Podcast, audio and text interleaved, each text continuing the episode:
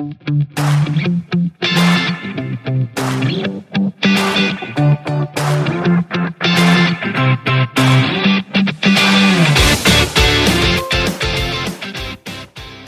Ida, har du testat att filma något möte som du har haft?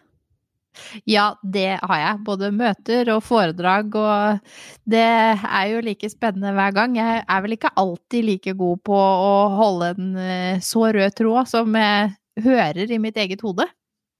Men är du bra på att förbereda mötena? Eh, kunne vært bedre, eh, spesielt på eh, interne møter, for å være mer eh, effektiv, tror jeg. Alltså många tror ju att man håller en väldigt tydlig röd tråd, precis som du säger, att man, man, man tror det i alla fall. Men när man ser sig själv på film, så som du nu har gjort, så upplever man kanske att man har varit lite sämre förberedd. Eh, eller att man faktiskt har en väldigt liten röd tråd eller kanske ingen alls. Eh, och hur använder man egentligen mötestiden? Det här är någonting som vi ska prata mer om idag. For vi har jo sett litt på Vi, vi ser jo at møter det er noe vi bruker masse tid på, og kanskje spesielt dere som ledere. Og veldig mange møter kunne jo med fordel vært eh, både kortere og tydeligere, med mer forberedelse.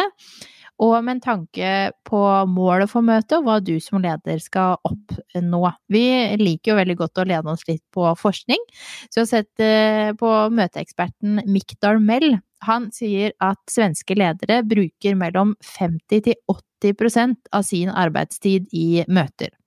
Og eh, Victoria, har du kikka litt på møtekalenderen i Moelven? Syns du det stemmer overens med Moelvens ledere sine kalendere? Ja, absolut. Jag tror faktiskt att den siffran är ganska representativ även för våra chefer. Og eh, så mye som 50% av den møtetida her, eh, det i forskningen, er ineffektiv. Vet du hvor mange uker i året det er, eh, Victoria? Mm, nej, men väldigt många. Ja, det är faktiskt sju uker i året. Och i Sverige så kostar den ineffektiva mötetiden, den kostar 170 miljarder kronor kun i lönskostnader. Ja, det är ju en väldigt hög siffra. Men vi gillar ju att se möjligheter och här finns det absolut rum för förbättring. För visste du att eh, det även finns studier som visar att hela 56 procent av de mötena som vi har i Outlook, de saknar faktiskt både syfte och mål. Och då får vi svårare att både fatta tydliga beslut och fördela vem som ska göra vad efter mötet helt enkelt. Absolut. Och Eh, all den ineffektive tiden her, den gjør jo at vi får litt eh, dårlig tid til å kanskje bli kjent med medarbeiderne våre, da, Victoria? Ja, alltså all den här ineffektiva tiden eh, tar ju tid från de här viktiga informella mötena. Där vi kan bygga de här relationerna som vi har pratat om tidigare. Eh, vi kan till exempel ta en fika eller prata om helgen eller olika fritidsaktiviteter. Det som bygger den här tillitsfaktorn och förståelsen för mottagaren. Men många skulle med fördel kunna sätta av tid i kalendern för de här oformella mötena. Och lyckas vi med att skapa en bättre struktur för de planerade möten som vi redan har, då kan vi också korta ner tiden vi lägger och förhoppningsvis så frigör vi då tid för just de här mötena. Hvordan skal vi frigjøre tid og gjøre møtene våre mer eh, effektfulle? Ja, vi har ju listat fem tips. Det första är att man definierar ett tydligt mål för mötet. Og det andre er å lage en tydelig agenda. Skriv ner det som du har tänkt att säga. Og sørg for å oppsummere møtet med beslutninger og veien videre. Och många gånger kallar vi faktiskt in personer som ja, vi gör det på ren vana helt enkelt. Så se över mötesdeltagarna och eh, värdera om innehållet på mötet är relevant för alla personer. Og de tipsene her, de ser dere også på Workplace-gruppa. Eh, og etter at vi har lagt ut eh, den poden her, så får dere også eh, se Simons forslag til en møteagenda, som ofte fungerer for mange ledere.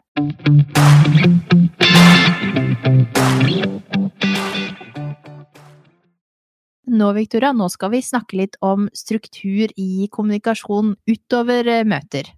Ja, precis. För bra ledarkommunikation, det handlar också till stor del om att ha en struktur för den kommunikation som man har tänkt göra. Och det handlar ju både om möten, men också i stort i organisationen och i sin verksamhet. Och det här är såklart även något som gäller Moälven, där vi faktiskt har en typ av hierarkisk organisation. Här är det viktigt att vi arbetar för att eh, kommunicera med alla som vi vill nå och inte bara de som är mest mottagliga. Eh, för gör vi det misstaget att gå på de som bara är mottagliga, då kan vi uppleva att kommunikationen stoppar tidigare. Alltså vi får inte ut den önskade effekt som vi haft för avsikt. Og et eksempel som vi har på det her, er jo HMS. Jeg har hørt at en del, spesielt mellomledere, syns det er vanskelig å finne anledninger til å snakke om HMS, og liksom få det bygd inn sånn naturlig i hverdagen. Og da er det jo kjempeviktig at dere som ledere og fagansvarlig går foran og viser hvordan man kan skape en dialog rundt HMS, i stedet for bare informasjon. For for å faktisk skape det engasjementet og bedre resultater, så må dere klare å skape en dialog rundt det, og ikke bare eh, informere. Rett og slett fordi at vi eh, ikke lar oss engasjere av et budskap før vi er delaktig i dialogen om det. Och det svåra här skulle jag säga är att eh, minska andelen information och öka andelen kommunikation.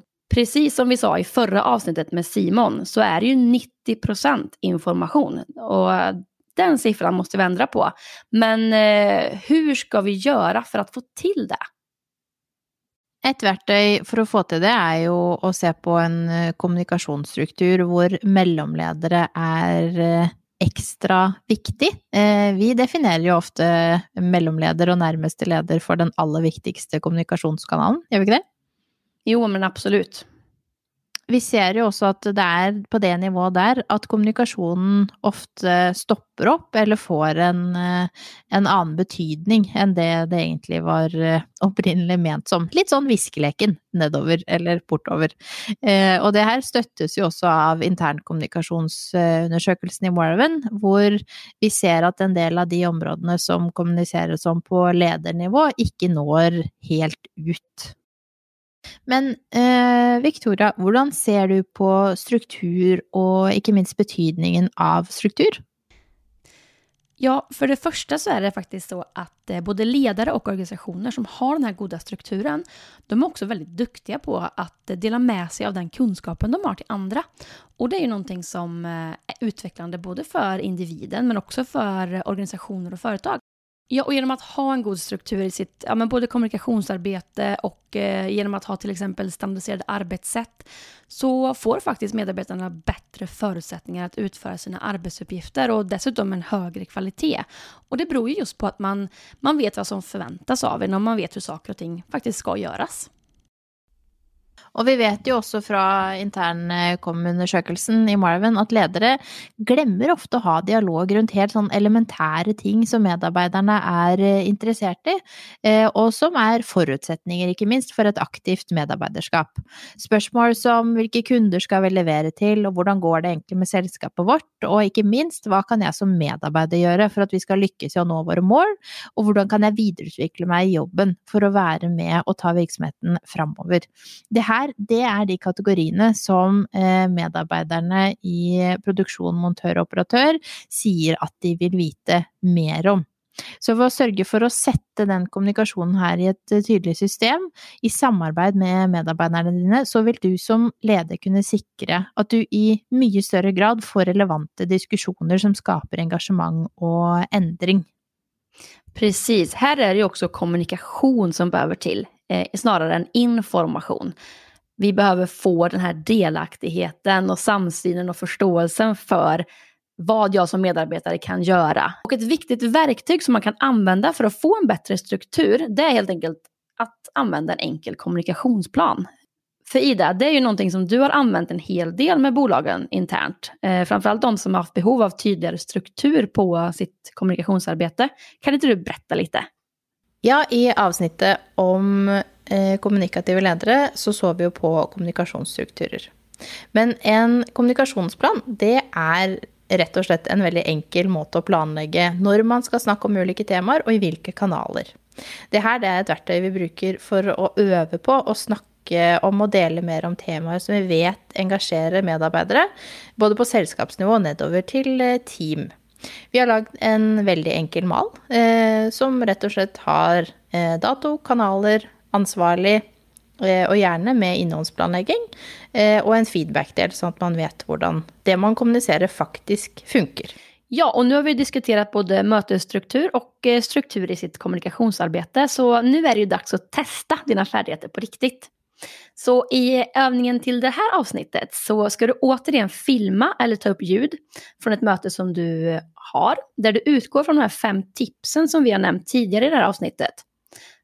Sen ska du då jämföra dina filmer eller ljudupptag från det som du gjorde i avsnittet Kommunikativa ledare ger effektfullt ledarskap. Och vi vill att du ska reflektera över fem punkter. Det första är, var det en forskel? Det andra är, var det bättre eller värre? Det tredje var, fick jag en tydligare röd tråd nu? Det fjärde är, fick jag mer feedback? Och det femte är, fick vi en tydligare beslutning i mötet? I nästa avsnitt ska vi titta mer på tydlighet i kommunikation.